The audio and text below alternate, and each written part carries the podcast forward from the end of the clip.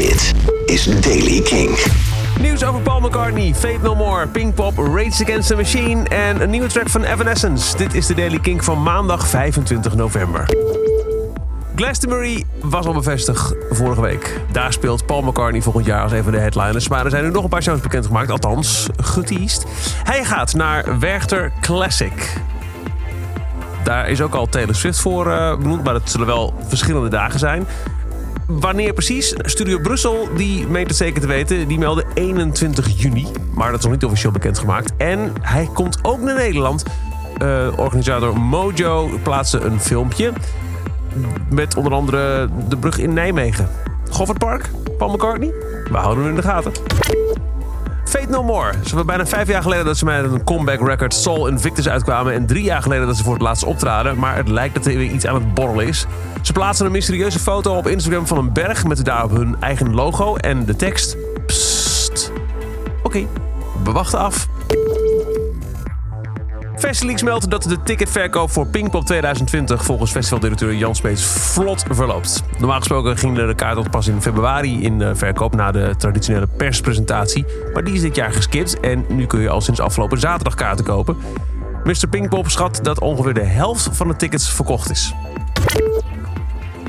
Rage Against the Machine maakte een paar weken geleden bekend dat we bij elkaar komen. En nu lijkt het erop dat er meer shows zijn gelekt dan onder andere alleen Coachella.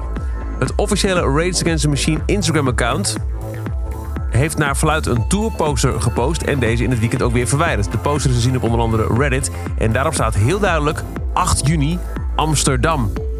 En ook die houden we in de gaten. En dan binnenkort komt er een nieuwe game uit Gears 5 uit de Gears of War reeks. En daarvoor heeft Evanescence een cover opgenomen van Fleetwood Mac Classic The Chain. En die hoor je nu in de Daily Kink. Listen to the wind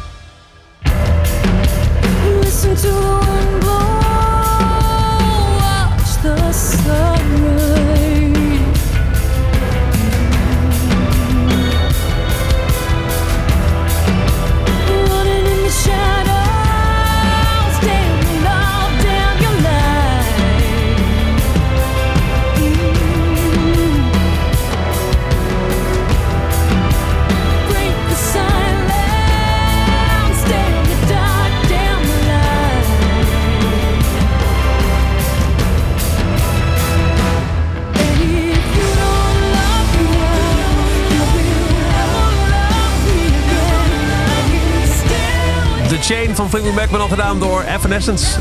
Te horen dus op de soundtrack van Gears 5 uit de Gears of War videogame reeks. Dat is zover deze aflevering van de Daily Kink. Elke dag in een paar minuten het laatste muzieknieuws en nieuwe releases. De Daily Kink is elke dag voor je in de Kink-app op kink.nl... waar je ook een podcast luistert en ook op Spotify. Elke dag het laatste muzieknieuws en de belangrijkste releases in de Daily Kink.